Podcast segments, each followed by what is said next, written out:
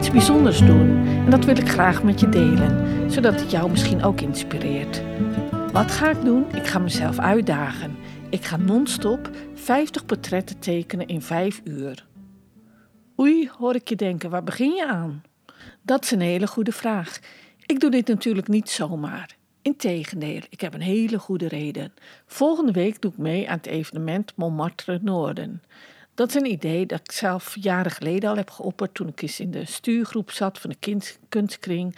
En dat was jammer genoeg nooit van de grond gekomen, maar het is wel een wens die altijd is blijven sluimeren. Welkom, je luistert naar de podcast Kunst aan tafel. Mijn naam is Hans Vianen. Ik hou van kunst, ik maak kunst en ik wil mijn liefde voor de kunst graag zoveel mogelijk met je delen.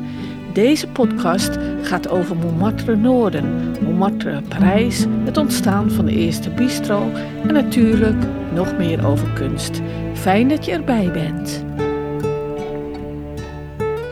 Wel nu, die wens die is dus altijd blijven sluimeren. En het mooie is dat er nu een groep van drie kunstenaars is in Noorden, die is bij elkaar gekomen. Het zijn uh, Marja Verloenen, Annette Tersteeg en Sonja van Kapel. En zij zijn het gewoon gaan organiseren. Ja, gewoon. Dat is natuurlijk gemakkelijker gezegd dan gedaan. En uit ervaring weet ik dat er voor zo'n evenement ongelooflijk veel geregeld moet worden. En dat het altijd meer tijd kost dan dat je van tevoren had ingeschat. Hulde aan de organisatie dus. Topvrouwen. En nu ben ik gevraagd om tijdens Montmartre Noorden karikaturen te tekenen of portretten. Dat is natuurlijk niet tegen Dovermans oren gezegd, want dat doe ik graag. Ik teken graag mensen en bij voorkeur in real life. Maar normaal gesproken ben ik dan wel behoorlijk lang bezig. En dat kan niet tijdens zo'n evenement van een paar uur. De bezoekers van Montmartre Noorden die willen natuurlijk actie zien. En dat kan ik heel goed begrijpen. Dus het doel van mijn challenge is om een tempo behoorlijk op te voeren. En dat doe ik met behulp van mijn kookwekker van de HEMA. Deze heb ik speciaal voor Montmartre Noorden aangeschaft en ik heb er nu al een haat-liefde verhouding mee. Maar goed dat hij er zo mooi uitziet en dat verzacht de boel een beetje. En daarbij komt, ik verkondig dit al jarenlang, kunst maken is topsport. Je kunt en mag van jezelf niet verwachten dat je zonder oefening een topprestatie gaat neerzetten. Een olifant eet je ook niet in één keer op, die verdeel je in porties. En daarom daag ik mezelf uit om straks goed beslagen ten ijs te komen. Wat een grappig gezegde trouwens tijdens deze hittegolf, waarin we nu ten tijde van deze opname verkeren en waarin we snakken naar een beetje regen en wat koelte. Maar Ans, 50 portretten in 5 uur, dat is toch geen kleine portie, maar een uitputtingsslag? Je hebt helemaal gelijk. Het is inderdaad een grote kluif. En daarom heet het ook een uitdaging. Maar omdat ik dagelijks teken en deze stap van het verdelen in kleine porties, ja, dat is gewoon onderdeel van mijn bestaan, is de uitdaging van 50 portretten een première geworden, een voorbereiding op de echte marathon, om te kijken waar ik nu sta. En vergeet niet, het is ook gewoon geestverruimend en ontspannend, dus heerlijk om te doen. Als je er open voor staat tenminste. Even terug naar Montmartre Noorden. Montmartre Noorden vindt plaats op zaterdag 27 augustus 2022 van 12 tot 5 uur en is te vinden bij Café de Klinker aan de Simon van Kapelweg 111 in Noorden. Het leuke is dat de schilders van de Haagse school in de 19e eeuw in dit café bijeenkwamen. Je kent ze wel. Jan Hendrik Wijzenbroeg, Willem Roelofs, Toon Koster, om er een paar te noemen. En Café de Klinker was dé plek waar zij met elkaar een biertje dronken, hun plannen bespraken voor die dag en hun werk aan elkaar lieten zien. En volgens mij hebben zij hun sporen nagelaten in dit café en zijn er nog wel een aantal schilderijen en foto's te zien. Maar wat is Montmartre nu precies? Voor degenen die er onbekend mee zijn, zal ik het uitleggen. Ah, het is wel weer jaren geleden dat ik er zelf geweest ben. Dus het is even goed in mijn geheugen graven. Ik denk dat het wel 40 jaar geleden is. Misschien nog wel langer.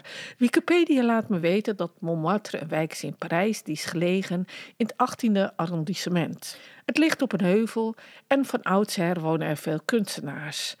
De bekendste attracties zijn de Basilique du Sacré-Cœur en de Place du Tetre. Bovenop de Montmartre heb je een prachtig uitzicht over Parijs. Het is dus geen wonder dat de wijk veel toeristen aantrekt. En als je het over de heuvel hebt, dan bedoelt men eigenlijk La Butte Montmartre. Butte betekent heuvel of terp. Deze heuvel is 130 meter hoog en daarmee het hoogste punt in Parijs. Als de Eiffeltoren tenminste niet meerekenen, want die is ruim 300 meter hoog. Je moet wel een goede conditie hebben om de wijk te bezoeken, want de wijk kent veel steile trappen en slingerende straatjes. De heuvel werd al in de Romeinse tijd bewoond en had toen ook al een badhuis en een muur. In die tijd stond er ook een tempel die aan Mars, de Romeinse god van de oorlog, gewijd was. Vandaar dat men denkt dat de naam van de heuvel is afgeleid van Montmartis, de Marsberg. Een andere verklaring van de naam kan Le Mont du Martyr, de Martelaarsberg, zijn. Volgens de overlevering vond hier in de derde eeuw het wonder van Dionysius van Parijs plaats. Dionysius was de eerste bisschop van Parijs en hij werd door de Romeinen op de heuvel onthoofd. Dionysius was echter niet tevreden over deze plek, dus nam hij zijn hoofd mee onder zijn arm en viel wat verderop dood neer in de huidige voorstad Saint-Denis, waar hij ook is begraven. Dit is de reden waarom een van de straten die naar Montmartre leidt de naam Rue de Martyr heeft gekregen. Maar de heuvel werd ook wel Place Blanche genoemd. Dat kwam omdat hier een kalksteengroeve was waar veel inwoners van hun dorp werkten en zodoende hun geld verdienden. In de 12e eeuw liet koning Lodewijk VI van Frankrijk de kerk Saint-Pierre de Montmartre en een bijbehorend Benedictijnenklooster bouwen, dat een groot deel van de heuvel omvatte. Er waren ook tuinen bij en er kwam een kapel op de plek waarvan men dacht dat de, onthoofding van Dionysius had plaatsgevonden. Tijdens de Franse Revolutie, die duurde van 1789 tot 1799 en waarbij de absolute monarchie werd afgeschaft, werd het klooster helaas vernietigd. De ruïnes zijn nog zichtbaar in de laatste overgebleven wijngaard.